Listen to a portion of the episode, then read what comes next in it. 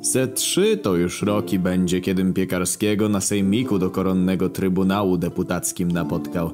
Przystępuje przeto do infamisa onego bezbożnego i tako rzekę czołem Piekarski. Diabli synu, tamten Lijano witam wasz mości, wycedził i łepetynę odkręca.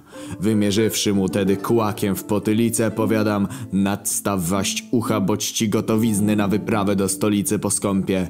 Pan Michał Kulasem był ci przytupnął, osobliwie coś przebąknął, wszelako rzecze, zgoda panie bracie, audiencyjwać panu udzielam. Cóżże masz do oznajmienia? Czemuś to na żywot uświęcon jego królewskiej mości tarnąć się poważył? Michał Piekarski ozwał się do mnie, ty szwedzki hołdowniku, i zdzielił mię raptem czekanem w czerep. Z kolei w bór przepastny był czmychnął i tylem go obaczył.